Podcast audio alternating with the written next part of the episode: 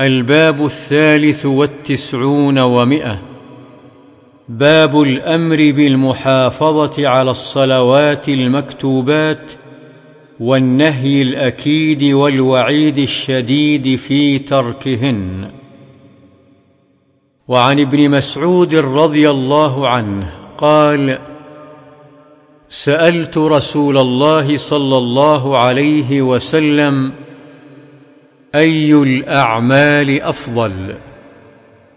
قال الصلاة على وقتها.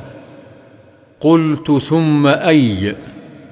قال بر الوالدين. قلت ثم أي؟ قال الجهاد في سبيل الله. متفق عليه.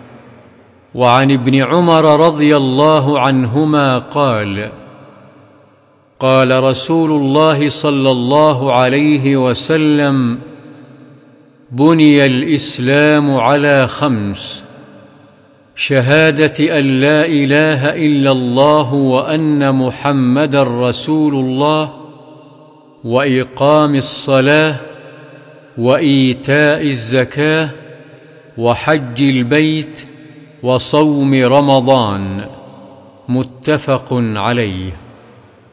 وعنه رضي الله عنه قال قال رسول الله صلى الله عليه وسلم أمرت أن أقاتل الناس حتى يشهدوا أن لا إله إلا الله وأن محمدا رسول الله ويقيموا الصلاة ويؤتوا الزكاة.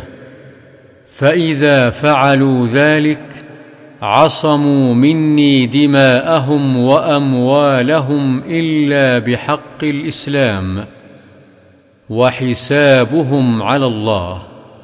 متفق عليه.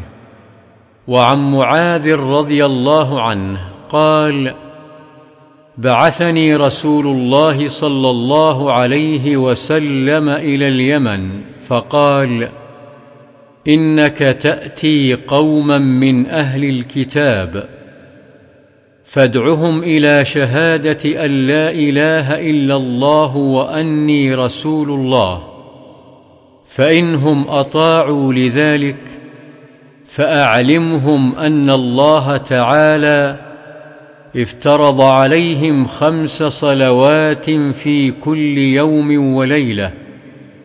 فإنهم أطاعوا لذلك فأعلمهم أن الله تعالى افترض عليهم صدقة تؤخذ من أغنيائهم فترد على فقرائهم. فإنهم أطاعوا لذلك فإياك وكرائم أموالهم واتق دعوة المظلوم. فإنه ليس بينها وبين الله حجاب. متفق عليه. وعن جابر رضي الله عنه قال سمعت رسول الله صلى الله عليه وسلم يقول إن بين الرجل وبين الشرك والكفر ترك الصلاة. رواه مسلم. وعن بريدة رضي الله عنه عن النبي صلى الله عليه وسلم قال العهد الذي بيننا وبينهم الصلاة فمن تركها فقد كفر. رواه الترمذي وقال حديث حسن صحيح. وعن شقيق بن عبد الله التابعي المتفق على جلالته رحمه الله قال كان أصحاب محمد صلى الله عليه وسلم لا يرون شيئا من الأعمال تركه كفر غير الصلاة.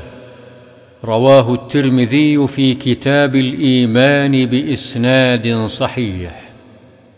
وعن أبي هريرة رضي الله عنه قال قال رسول الله صلى الله عليه وسلم إن أول ما يحاسب به العبد يوم القيامة من عمله صلاته فإن صلحت فقد أفلح وأنجح وإن فسدت فقد خاب وخسر. فإن انتقص من فريضته شيئا قال الرب عز وجل انظروا هل لعبدي من تطوع فيكمل بها ما انتقص من الفريضة ثم تكون سائر أعماله على هذا. رواه الترمذي وقال حديث حسن.